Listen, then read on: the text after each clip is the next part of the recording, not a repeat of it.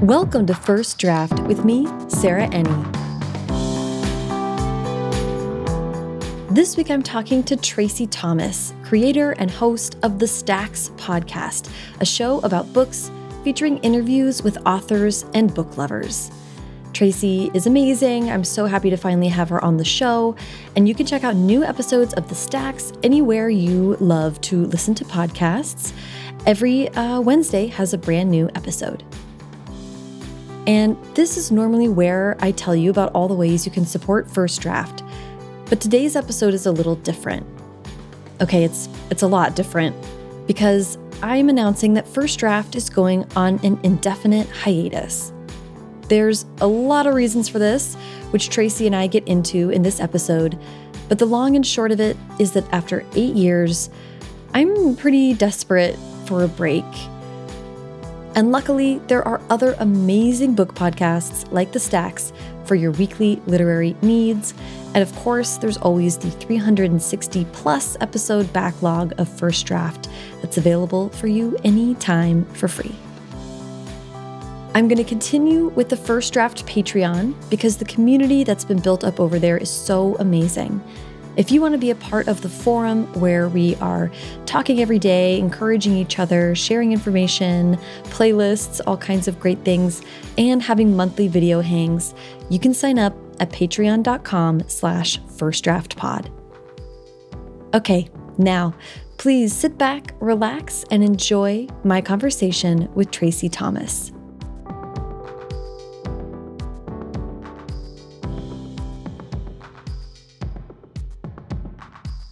Hi, Traci. How are you doing? I'm good. How are you? I'm good. I'm so excited to finally have you on the show. I know it's only been since 2019 that we met. so no big deal. I know. I know. I know. It's been uh it's you know, one or two things have happened since 2019. Yeah. I don't know. Who knows? Who can count? well, I'm so excited to talk today. We have kind of a big show um, of things to discuss. I wanted to have you on the show because you're the perfect guest for this episode where I'm going to tell my listeners that I am taking a hiatus from First Draft, mm. an indefinite hiatus because none of us know what is going to happen. I would love to come back to the show, but I just can't say when at this time.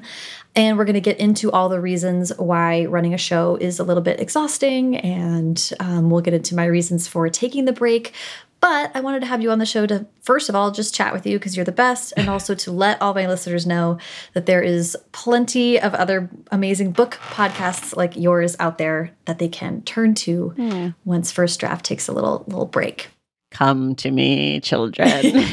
I promise yes. to take care of your listeners. I promise I don't bite often. um, well, I want to start by actually just getting your story and hearing about.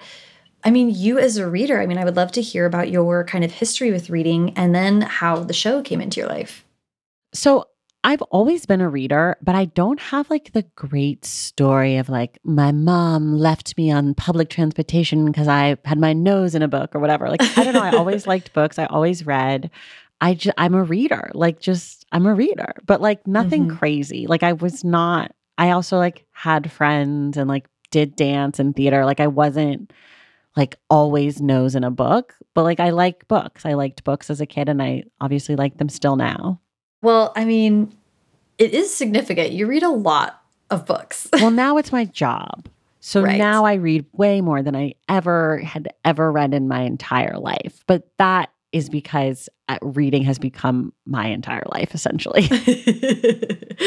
I would love for you to lead me to being an avid reader, but what led you to podcasting? More than being an avid reader, I was a have been a huge podcast person since about 2010, which is about four years before Serial, which I think is sort of the tipping point in the general culture's relationship to podcasts. Mm-hmm. Um, I started listening to podcasts to this show called The Tony Kornheiser Show, which is like a sports radio show in Washington, D.C. It's like very D.C. based. So I like knew a lot, know a lot about the D.C. sports climate and politics and things. And it was a two hour show, five days a week. And I listened to it every single day until about 2019 20. I sort of stopped listening during the pandemic, but that's a lot of hours, a lot of years. so I lived in New York. In 2012, I moved to LA. And then in 2016, I was like, I don't read anymore because I was reading on the subway in New York.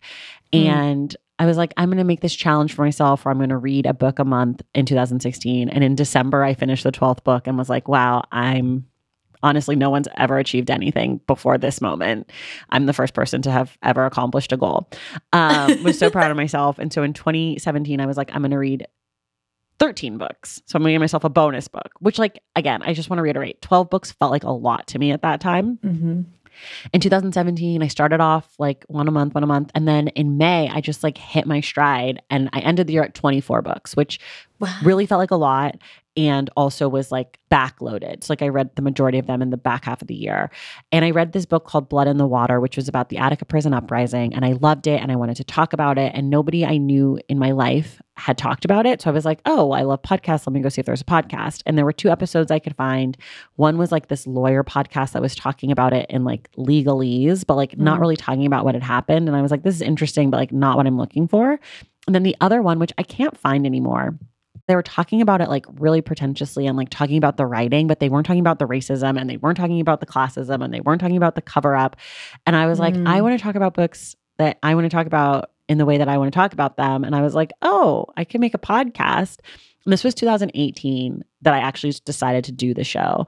And I feel like it was right before everybody else started making podcasts. Like I feel like 2020 when people got free time they're like let's make a podcast. But in 2018 it wasn't it was still saturated but not like it is now. Yeah. Cuz I think now I would be like uh, over my dead body. I will not be a cliche. I will not make a podcast. Um so the timing worked out. But yeah, so then I just decided to make the stacks and I was like, let's do like a book club thing where we can talk about a book and you know one of the like ground rules i said for book club i would never talk about a book for book club with the author because mm. like one of the like i interview authors about their books all the time but one of the things that i hate about it is like there's no ambiguity. I can't be like, Sarah, why did you do this? You just be like, mm-hmm. because X, Y, and Z. Or even more annoying, you'd be like, I'm not going to tell you. It's for the reader to decide. And it's like, okay, right. well, that's not helpful in a book club setting. So that was like really the only rule. And also that I wanted to talk with all different sorts of readers and people who read. So not necessarily just authors and publishing people. So like I've had on teachers, I've had on screenwriters, I've had on DJs, actors, you know, sports people some of which have written books, some of which have not. Um, but yeah, I always just sort of wanted to. It's a book. It's a show for readers about reading. It's not necessarily like your show's a little bit more for writers. Lots mm-hmm. of writers listen to my show and we talk about writing on the show, but like I'm a reader at heart. I'm not a writer and I'm the host and the creator. So it's my show. So it's like what I'm interested in, which is like the reading of the thing, the consuming of the thing. I really love that about your show that it's not writers talking to writers. Obviously, I love those conversations. I've had thousands of them. like but I had kind of a similar experience. I just picked up in the, within the last year this side gig of moderating a book club. Mm. And it's just these women in LA who love reading and they've had this book club for 10 years. And when I moderate for them, it's so interesting because it just reminds me of what readers like mm -hmm. and it's not necessarily what writers like mm -hmm. and mm-hmm. that's been so refreshing and that's the same feeling i get when i listen to your show and the book clubs and your discord where people are talking about books and why they like them and what they didn't it's just such a different way i just got so far into the writer world mm -hmm. that it's like really refreshing and nice and actually very important to go back to the reader side and be like wait a second how do people actually connect to books and what role does reading have in their lives because it isn't the same. Yeah. And we have to keep, I think writers should keep it in mind, especially when you're talking, like when you're at LA Times Festival of Books or something, you're not only talking to other writers, you're talking to people who just like books. So, yeah. like, don't be up your own ass about it. Right. And like, I think it's really apparent when a book is written for other writers versus when it's written for readers. Mm-hmm. Mm-hmm. You know, like we talk a lot about audience on my show, and like, I think a lot of authors say, I write for myself. Like, but I can tell when a writer actually writes for themselves, as in they're writing for a writer, versus when they have an idea of who their audience is and like who will actually be picking up the book. Writing is a form of performance. And if you're performing in the mirror, are you really performing? You know, like right. maybe you are, but like I, it's not a kind of performance I'm interested in. So for me, like audience is interesting to me. And like when a writer has an audience that's like my writing group, I'm like, yeah, I can tell. I can tell. Your sentence, it shows in your sentences, like it shows in your research it just it shows because it's like there's an yeah. assumption that the other people are going to get it and that they're going to see oh this is such a beautiful sentence and i'm like fuck a beautiful sentence is it in service to the book or is it in service to like your ego and like it's just really mm-hmm. it, for me it's be, it's become something that the more i read the more i interview people the more i can understand what i'm reading in that way which mm-hmm. I, I, hate it when i'm like ugh it's like such a turn off for me mm-hmm. yeah yeah like a very self-conscious kind of writing right right I want to ask about starting the show and how it's sort of developed. Mm -hmm. And like, because I think that you're like me in that from the very beginning, it was like, I want to make sure that this show is fun for me. Otherwise, mm -hmm. why the heck am I doing mm -hmm. it? Mm-hmm. So, can you talk about what kind of groundwork you wanted to set at the beginning and how it has changed over time? Yeah, I mean, so like the very beginning, my first three guests were an English high school English teacher, a PhD candidate, and a screenwriter. And I was like, I really want to pick people that a, I know read, but B, I know can talk about books because, like, what if I can't? Like, I wasn't mm. sure that I was going to be able to be in charge. So I thought, like, oh, if I talk to an English teacher, they'll at least be able to, like, dissect plot or, like, talk about mm-hmm. themes. And, like, I wasn't sure. I still am not great at that stuff, but, like, I wanted to really have, like, I wanted to cheat basically and have someone help me do my homework. Um, so the show started in April 2018. And I think it wasn't until like August or September, October of 2018 that I had my first author on the show so it was like a long time. So I had like I went to theater school, so I had like a lot of actory people, and like mm-hmm. one of my best friends is a stylist, and like so I had her come on. I was just like, who are people that I want to talk to? And like mm-hmm. now I think about the show a little differently because I have access to authors in a way that I didn't before, and so I I'm thinking about like the show as a tool to like promote books by Black authors, authors of color, queer authors, disabled authors, mm-hmm. authors whose work I think is really great and interesting that maybe they're not getting the marketing dollars because their publishers don't think their work is as great and as interesting as I do. Or maybe they're younger, or maybe they're older, mm-hmm. or maybe they're just not Stephen King. So I think about my platform in a different way, but my curiosity, my questions, they're all still sort of in the same world. So the show hasn't changed that much. The biggest, biggest, biggest like structural change is that when I first started the show, we did two book clubs a month episode one was like getting to know the guest. Episode two was the book club. Now we split that over the month. So the first week of the month is getting to know the guest. And then that person comes back the last week of the month. And then in between, I just do straight up author interviews where the authors are sort of talking about their new releases or not always brand new. Like sometimes when we get closer to the end of the year, I'm like, I really love this book. I have to have this person on. Let me like circle back. Mm-hmm. Um, but usually, like, you know, within the last few months, as a place to like interview authors who write books that I'm interested in. But as a rule, I will not have anyone on the show that I'm not curious about or interested in. Mm-hmm. I get pitched a lot of books, which is really nice, but a lot of them are books I'm like, I don't want to read that. And I certainly don't want to talk about that for an hour. Mm-hmm. Um, so so like my guiding principle has always been like am i curious about it do i want to spend time with the book do i want to spend time with the author if that's a yes then i'll do it and i do stray from like the nonfiction and literary fiction that I love. Mm-hmm. But I would say the show is mostly based in those spaces.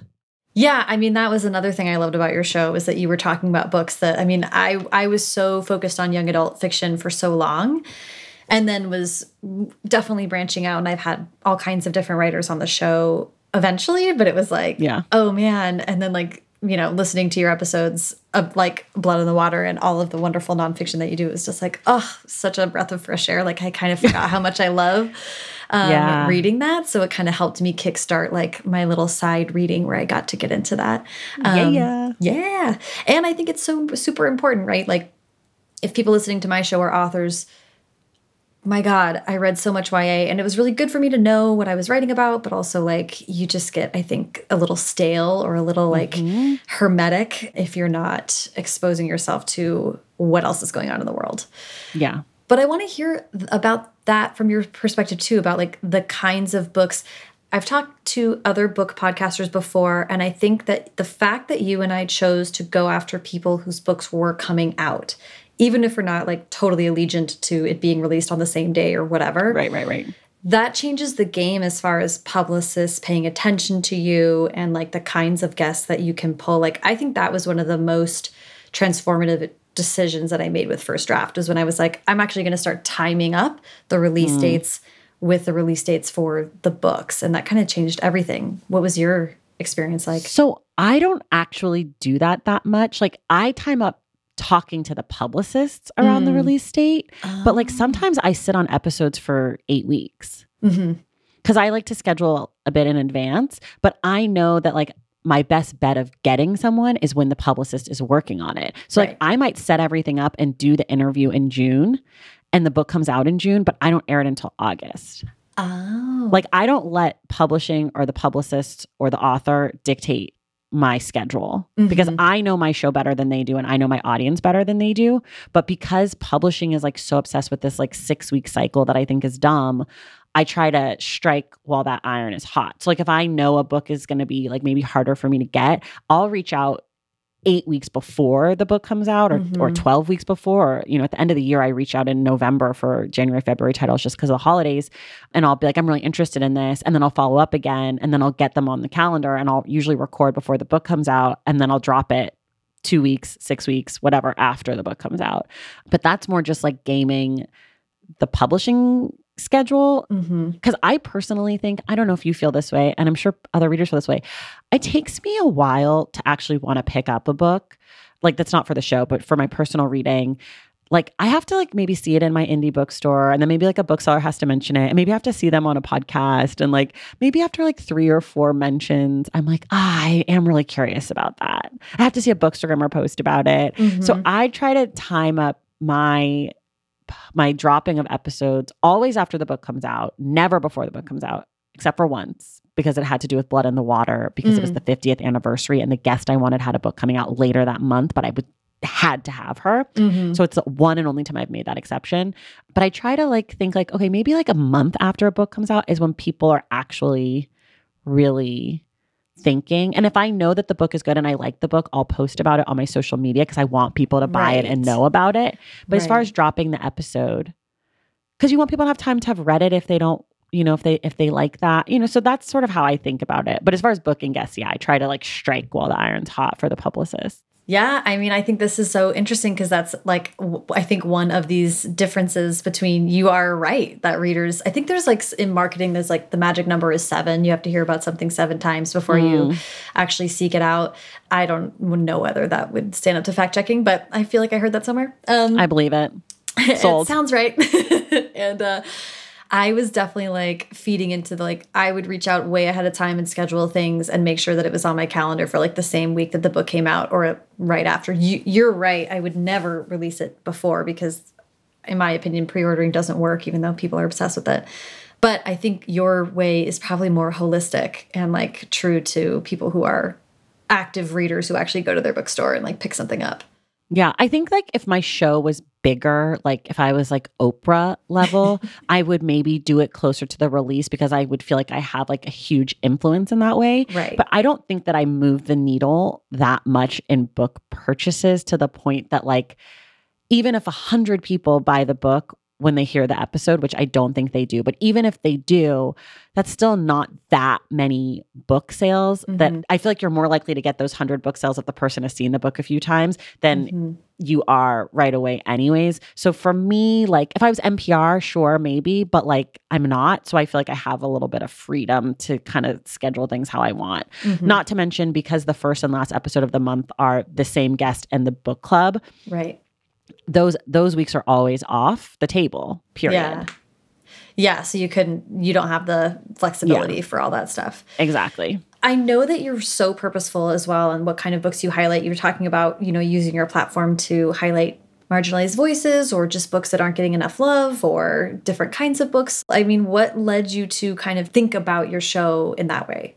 I am a very curious person just naturally. I love asking questions. And so for me, it was like, it's like I'm not the expert on my show. Like I sort of get to play the like dum dum. and so I get to have people on and learn about things. So like mm. oftentimes it's just like what am I curious about? What am I interested in? Um mm-hmm. Like I had Angela Chen on who wrote a book about asexuality. Like I don't fucking know anything about that, but I loved that conversation because I got to ask Angela these questions and like I got to have her tell me all about her experience and her research and everything. I'm glad that my show is sort of led by my curiosity and not led by like any other sort of genre or like limiting, you know, it's not a romance show that we've done Mhm. romance. Like it's Mhm. not a YA show that we've done YA. It's not a nonfiction show that we do nonfiction. And then also like I only know what I know. And so why wouldn't I want to have someone on who has different experiences than me to like Mhm. speak to that and like, you know, not to sound like too re- like redundant to popular culture, but like I want my show to reflect the world that I live in. And so, yes, I'm a black woman and so my world is, you know, more focused on black authors and things because that's the world that I live in, but like I also want to include other voices because I'm curious about them and I know them and they're my friends and they're my family and they're my neighbors. And so, you know, I do think about that. I'm like, oh, I Mhm. haven't had a guest on who's X, Y, and Z in a while. So, like, let me Mhm. do that. I also tried not to have like a ton of white guys on, Mm-hmm. but also just because, like, I don't think they need me. But, like, right. I love Patrick Radden Keefe, and you better believe I was up their ass to get him on the show. Like, so it really, more than any sort of like quote unquote identity politics, it's like, what am I curious in? What am I interested in? What do I want to talk about? Whose writing do I love? Whose books do I love? hmm But, you know, when it comes down to it, I do look like I do keep spreadsheets of all the things like data points I can find about the books that I read and the authors. And I try to Mhm. like keep things sort of balanced. I don't do a great job. And I also don't like, I don't actually like have a quota, but like I do Mhm. try to look at things just to like keep an eye on what I'm up to, Yeah. like as a personal reflection point. Yeah, I did the same thing of keeping track of stuff and then just looking at it and being like, oh, I'm really disappointed that I didn't. Like, I always have been cautious about white cis hetero men on the show. Like, that's always been like, I don't know. I feel the same way that you do about it. But then looking back and being like, oh, there's just not a great representation of this on the show and this. And it's like, it's useful. Not having a quota, but just being like, this is something that personally I want to commit to. And I need to like have data to know exactly where I'm failing. Right, exactly. Um, so I guess I kind of want to talk about now you and I have both been running podcasts for many years. And I have been like definitely feeling like the burnout. And I just want to hear from you like, you also run a weekly show. It involves a lot of reading, it involves a lot of planning, it involves hours of talking to people and editing and so many things. What's it been like for you to be consistent with it? How are you feeling about it right now?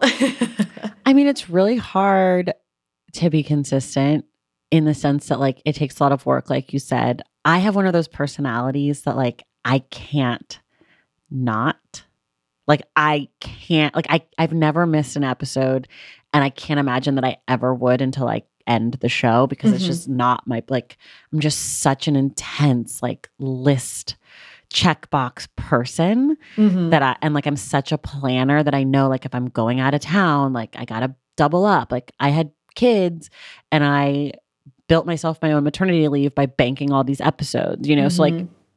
it, it just it takes a lot of work and it's super exhausting. And I feel burnt out in a million ways. But also for me, like still I haven't been doing it as long as you, but for me, like I still really like it. Mhm. I don't always like the preparation. I don't always like the work and like the emails. But when I get to get on the con- like get into the conversation, I'm like, ah, fuck, I love it here. Like this feels so good. I'm so excited. Yeah. Um, so it's sort of a balance, but I I don't know. Like it just feels like that's what work is. Which isn't to say like if something better didn't come along, I wouldn't like be like, okay, bye guys. um I had an opportunity a while ago and I wasn't sure if I was going to take it or not. And I said to a friend, like, I'd have to kill the stacks. And they were like, well, anything you kill, you could always bring back. Like, if you kill it, it doesn't matter yes. because it's your thing.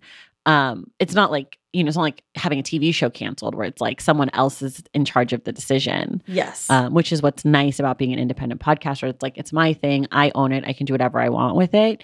The flip of that is like, it's all on me. I own it. I can do whatever I want with it. And I have to come up with whatever that is. And I don't have someone else being like, you should do this. Like, yeah. here, you know. So it's definitely really hard. But I don't Yeah. want to work for someone else. Yeah, yeah. I Not in this space. Yes. Well, I, it was a total game changer for me when I was talking to friends about how I was feeling, and they were like, "Oh," I was like, "I'll have to end first draft," and they were like, just like your friend was just like, "Well, you don't have to end it. You can just put it on hiatus. Like you can Right. put it down and pick it back up whenever you want to, because that's the joy of having your own thing."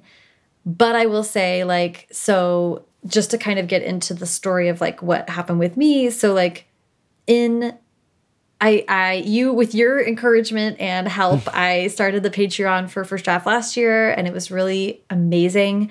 We had a million downloads, and uh, and it was just like it was. It felt really exciting. And then a couple things happened at the same time. One was like I randomly got this email from kind of a headhunter service that was like, "Hey, this podcast company Wondery is starting a new show called Scamfluencers, and they want a story editor for the show. Are you interested in scams and are you interested in writing for a podcast?"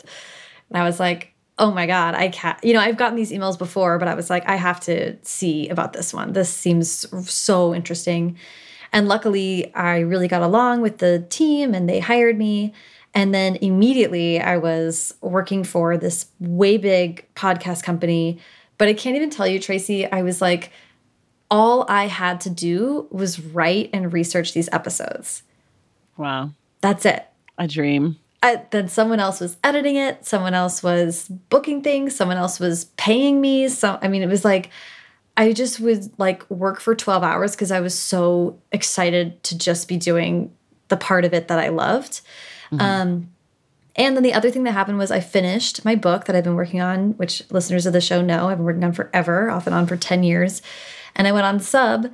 And I don't know if you've had guests talk about this lately, but like the submission process, especially for a young adult right now, like publishing is just having like a moment. Yeah. Um, I don't know. yeah, it's it's sort of terrible everywhere. And so this book is just like it's been 4 months. I have no idea if it's ever going to sell. I'm ha- I'm in my feelings about that in my own way. It's fine.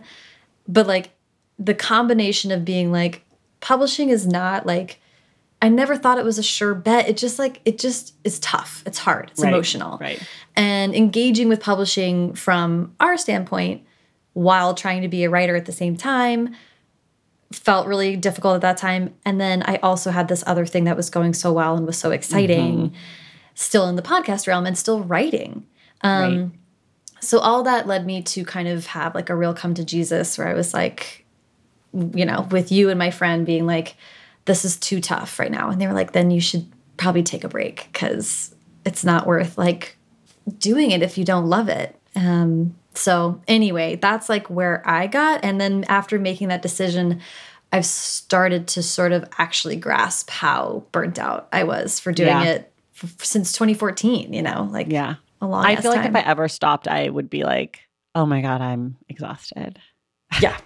Yeah. I I'm one of those people. It's like as soon as I stop, I'm like, oh, Yeah. I can like like I totally unrelated, but like I ran a marathon once, and afterwards I was like, oh, I'm injured. But it wasn't until like after I did it, I like haven't run since because I like have a serious hip injury that I like Right. can't run anymore. and you know, it's like you're as long as your goal and your love for it are still there, like you you know, you shouldn't stop. You should keep Yeah. doing it. But it's been interesting to be like, oh, the decision's already made for me and now I'm starting to like just feel like the ex- you know, I just like need time off. Yeah. I just need time to re reboot, if you will. totally, totally. I'm Um, proud of you for taking the time. Well, thanks. I am I'm excited and I'm hoping that, you know, if the show comes back, it can come back in a different iteration, you know. I would love to come back with like seasons and talk to nonfiction writers or talk to screenwriters or um, picture book writers or do another thing of track changes, which explains all the nutso stuff about publishing, which would be especially interesting to dive into right now. But yeah, so like a format kind of switch would would be in the cards if I come back to it. But I'm also super loving Scamfluencers and interested to see where that goes. So hopefully we can write a scammy book and then we can talk to you about it. Yeah.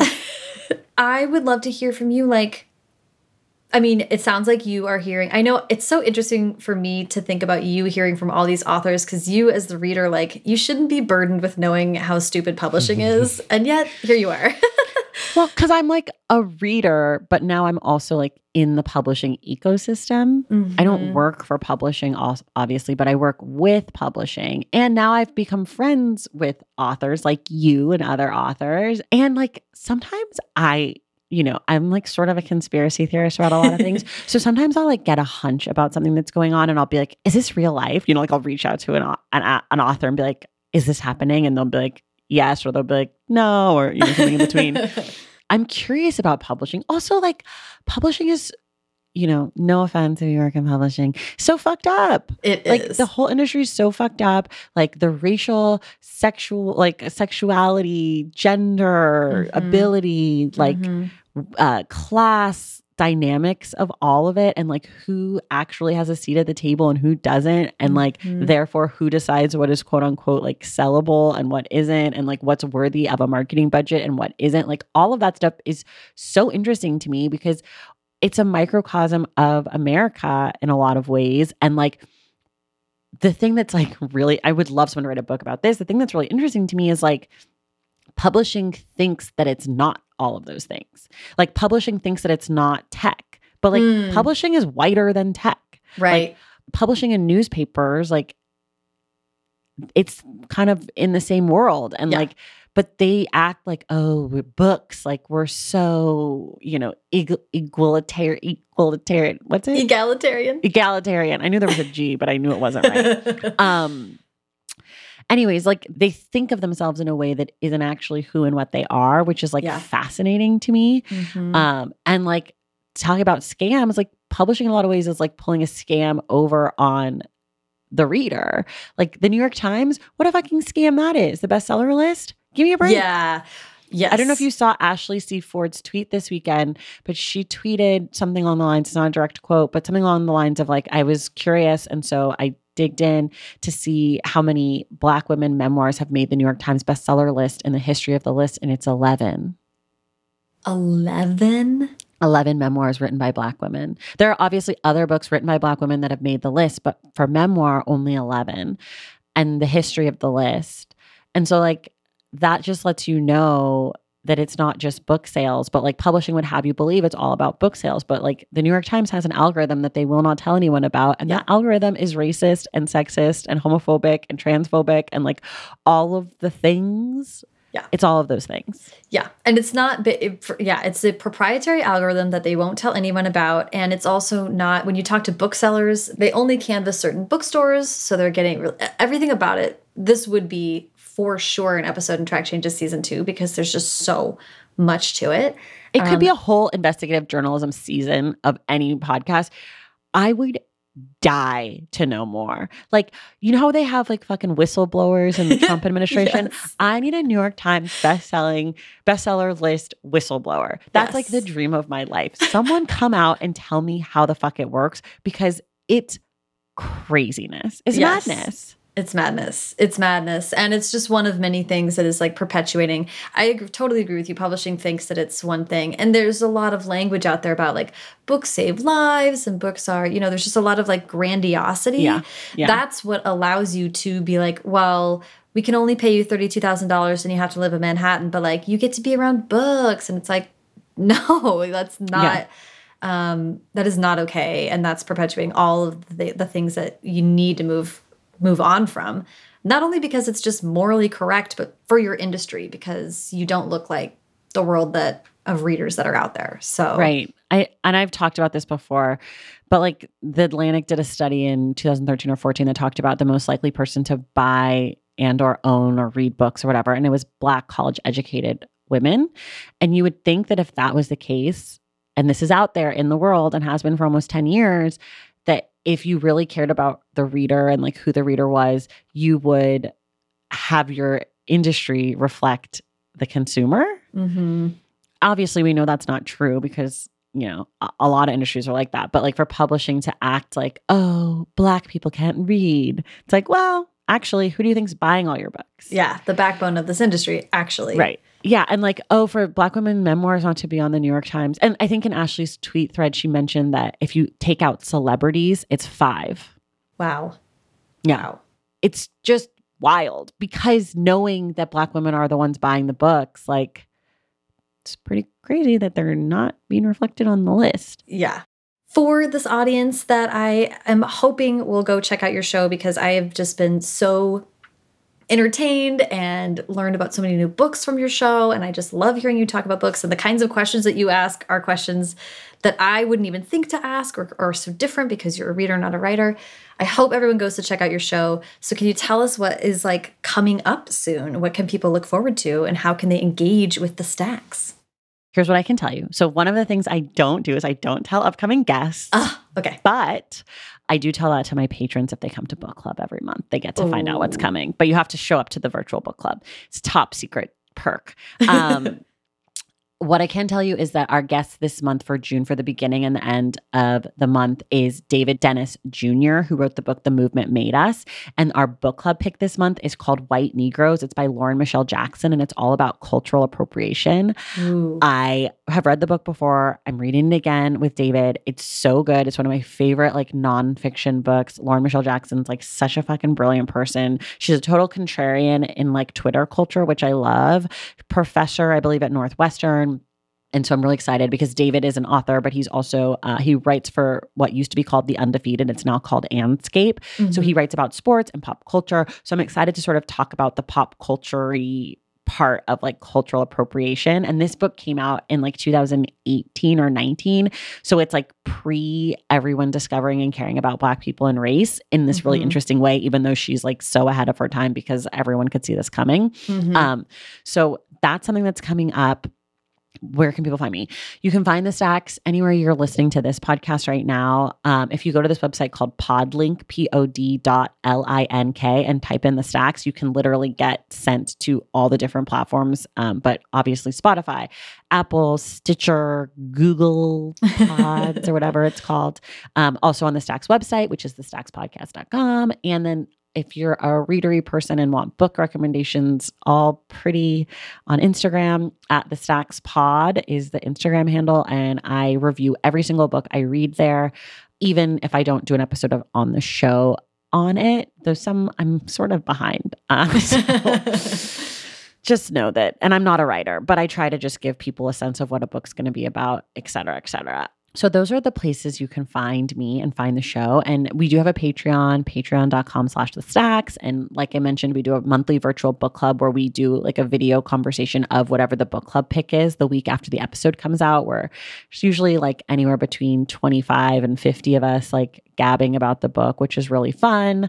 And then we do bonus episodes. Um, we have a Discord, as we mentioned, which is a really good time. Lots of book recommendations flowing over there, but also like sports and TV and music and all of those things. So yeah, join the Stacks Pack. No offense to your community, but mine's the best. Thank you. Stacks Pack forever. Um, but yeah, so come join. I hope that you'll give us a shot. If you hate it, that's fine. Don't tell me though. Don't tell Yeah, me that you hate yeah, it. Just no, leave me alone. Okay. I'm very fragile. These are free podcasts. You don't need to be like Yeah, going exactly. nuts about it. oh, and every episode comes out on Wednesdays. Oh, that's a good a good note.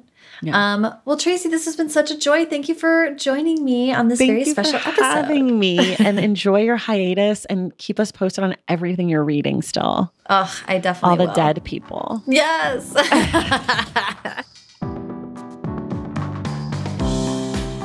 Thank you so much to Traci. Follow her on Twitter at the Stacks Pod underscore and on Instagram at the Stacks Pod. And to keep up with me and hear all about what I'm doing outside of First Draft, you can follow me at Sarah Enni on Twitter and Instagram and all the things. First Draft is produced by me, Sarah Enni. Today's episode, and all episodes for the last two plus years, were produced and sound designed by Callie Wright. Thank you, Callie. You've been a joy and a rock, and without you, this show would not have been possible. The theme music is by Dan Bailey, and the logo is designed by Colin Keith. Thanks to social media director Jennifer Nkosi, another incredible coworker on this project, who kept me on track and was so encouraging all those times I was so overwhelmed. And to transcriptionist at large, Julie Anderson. Transcriptionist, yeah, but so, so, so, so much more. And as ever, thanks to you, my loving, supportive, wonderful listeners, for being here.